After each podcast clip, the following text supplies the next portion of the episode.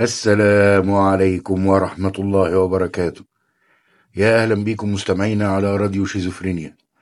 معاكم عمرو هارون وحلقة جديدة من برنامج فارس الميدان. أتمنى تكونوا استمتعتم في الحلقة اللي فاتت بصحبة فنان الشعب النورس الإسكندراني شيخ الموسيقى سيد درويش. إن شاء الله تكون عجبتكم الأغنية بتاعت أنا هويت اللي حاططها لكم في ال comments وال description box.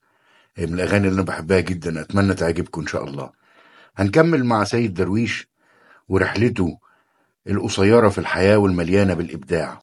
المرة اللي فاتت وقفنا لما أصحاب فرقة تمثيل سليم وأمين عطلة سمعوا سيد درويش وهم قاعدين على القهوة بجانب موقع العمل اللي كان بيشتغل فيه وهو بيغني للعمال. فبعتوا جابوه. عرضوا عليه إن هو يسافر معاهم الشام في رحلة عمل يغني في الفرقة بتاعتهم في الفواصل بين الفصول بتاعة الروايات اللي بيقدموها ويأدي فقرة, فقرة غنائية كده. سيد درويش لها فرصة إن هو يعرض فنه وغناه على الناس فقبل إنه يسافر معاهم بالرغم من إن مراته كانت حامل في ابنه الأولاني والد الفنان إيمان البحر محمد السيد درويش البحر. قعد في السفرية دي تسع شهور. استفاد إن هو عرض فنه على الناس وبقت عنده الجراءة إن هو ممكن يغني في أماكن عامة. بدل ما كان بيغني للعمال وبعض الناس اللي هو معرفته يعني. رجع سيد درويش بعد تسع شهور من رحلته الأولانية للشام وابتدى اللي شافه هناك في الشام. الشام وقتها كانت عبارة عن لبنان وسوريا والأردن وفلسطين الحبيبة. اللي شافه هناك من فنون وموسيقى يخليه في ألحان تيجي في دماغه كده ويعملها. بس ما عندوش الجراءة لسه أو الإمكانيات إن هو يقدر إن هو يكملها ويعرضها على الناس. فاشتغل في الفترة دي لمدة سنتين برضه في أعمال لأنه بقى صاحب مسؤولية كبيرة كمان بالإضافة لأمه وإخواته البنات الاتنين ومراته. بقى عنده ابنه الكبير محمد. اشتغل في كاتب حسابات واشتغل برضه في أعمال البنى لغاية ما جاله تاني. سليم وأمين عطلة وعرضوا عليه السفر مرة تانية. سيد درويش من اللي شافه هناك من فنون وافق وراح هناك عشان يتعلم. ليه بقى بلاد الشام كانت مطمع لسيد درويش إن هو يروح هناك تاني؟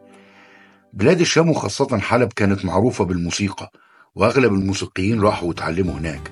كانت بلد الموسيقى وعاصمتها فعلا وكانت مشهورة بشيء أو لون من ألوان الفنون اسمه القدود الحلبية. وهو نوع من أنواع التواشيح أو زي التواشيح كده. والتواشيح هي عبارة عن شعر غنائي منظوم. القدود الحلبية عبارة عن تراث شعبي آه لإخواننا في بلاد الشام. على نفس النظام بتاع الموشحات كده عبارة عن شعر غنائي منظوم. لكن بي بيقوي الصوت زي ما قلنا وبيخليه يتنقل بين المقامات اللي شرحناها المرة اللي فاتت ويديله قدرة على الغنى اتعلم هناك زائد القدود الحلبية اتعلم العزف على العود اتعلم حاجات تانية كتير. ورجع سيد درويش بعد سنتين واحد تاني خالص. كسب كسب المرة اللي فاتت والناس عرفته. ابتدى يقعد على القهاوي ويعرض فنه على الناس واتعرف هناك. فجاله مين؟ أشهر واحد في الوقت ده الشيخ سلام حجازي. الشيخ سلام حجازي كان راجل فنان مغني صاحب صوت جميل وقوي.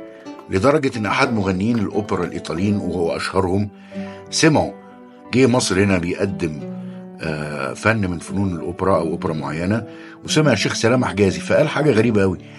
قال أنا بحمد ربنا إن الشيخ سلام حجازي ده ما راحش إيطاليا وإلا ما كنتش عرفت هناك واتشهرت بقيت أفضل مغني أوبرا. تخيلوا بقى القامة ده. سمع عنه وراح شافه وجابه على القاهرة. عشان يقدم فنه للناس ويقدمه على المسرح. لكن للأسف الناس ما قدرتش تتقبل سيد درويش في الوقت ده. ومع ذلك طلع الشيخ سلام حجازي وهداهم وقعد يقول لهم الراجل ده أو الشاب ده هيبقى مستقبل الموسيقى. لازم يسمعوه اسمعوه واعرفوه. وبرغم من كده الناس ما تقبلتوش.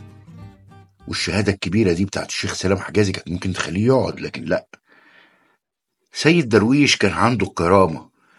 كرامته كانت فوق كل شيء.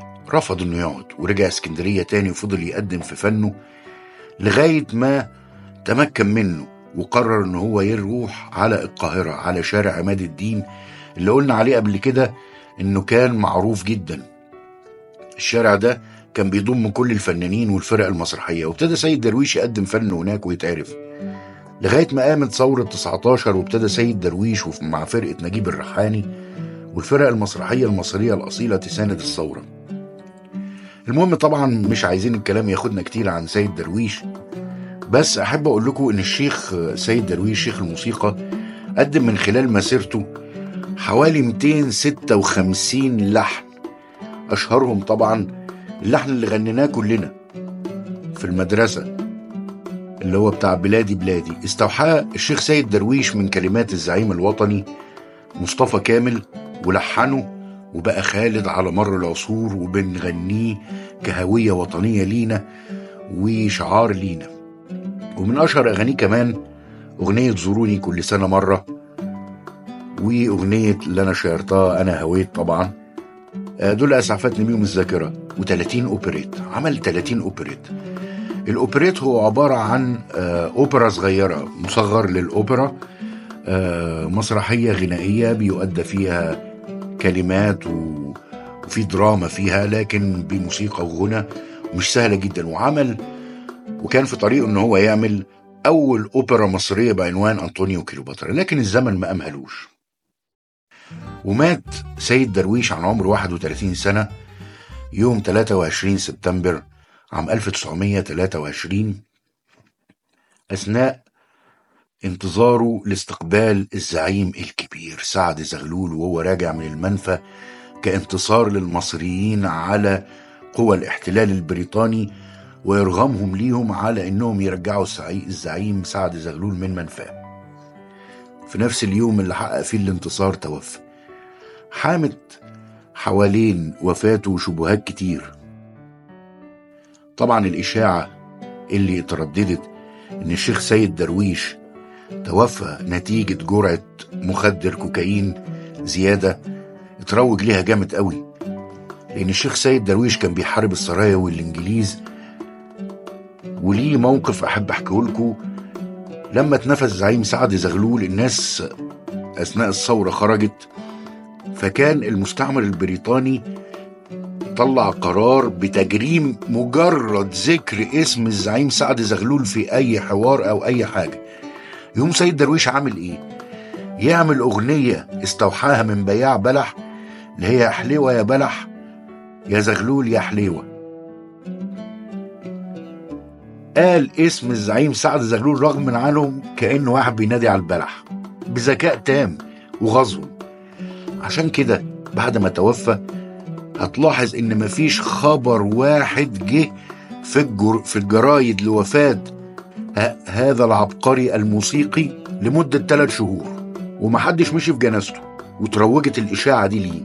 مؤخرا من سنتين تقريبا عائلة الشيخ سيد درويش أظهرت للوجود خطاب بيرسله لأحد أصدقائه أظن اسمه محمد الأصابجي مش محمد الأصابجي الموسيقي ممكن يكون هو بس مش عارف يعني.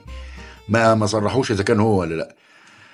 بيقول فيه لصديقه وبينصحه إن هو يبعد عن السهر وعن المخدرات وعن الخمرة زي ما هو عمل بعد ما شاف حادثة حصلت في الخزندار لواحد.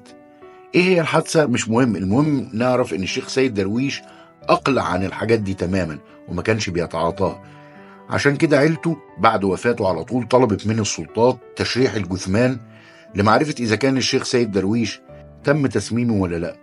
لأنهم رجحوا إن جرى تسميمه على يد أحد عملاء السراي وقتها أو الإنجليز عشان مقاومته للاحتلال. توفى الشيخ سيد درويش وفضلت ألحانه عايشة لغاية دلوقتي وروحه موجودة معانا.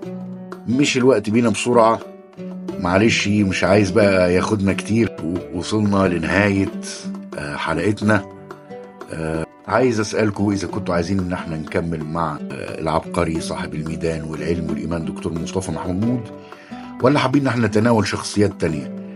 وعايز أسمع آرائكم وأعرف اقتراحاتكم وذكرياتكم مع الشيخ سيد درويش للي بيحبه وانطباعكم عن الحلقة. إن شاء الله أشوفكم الأسبوع الجاي في حلقة جديدة من برنامج فارس الميدان.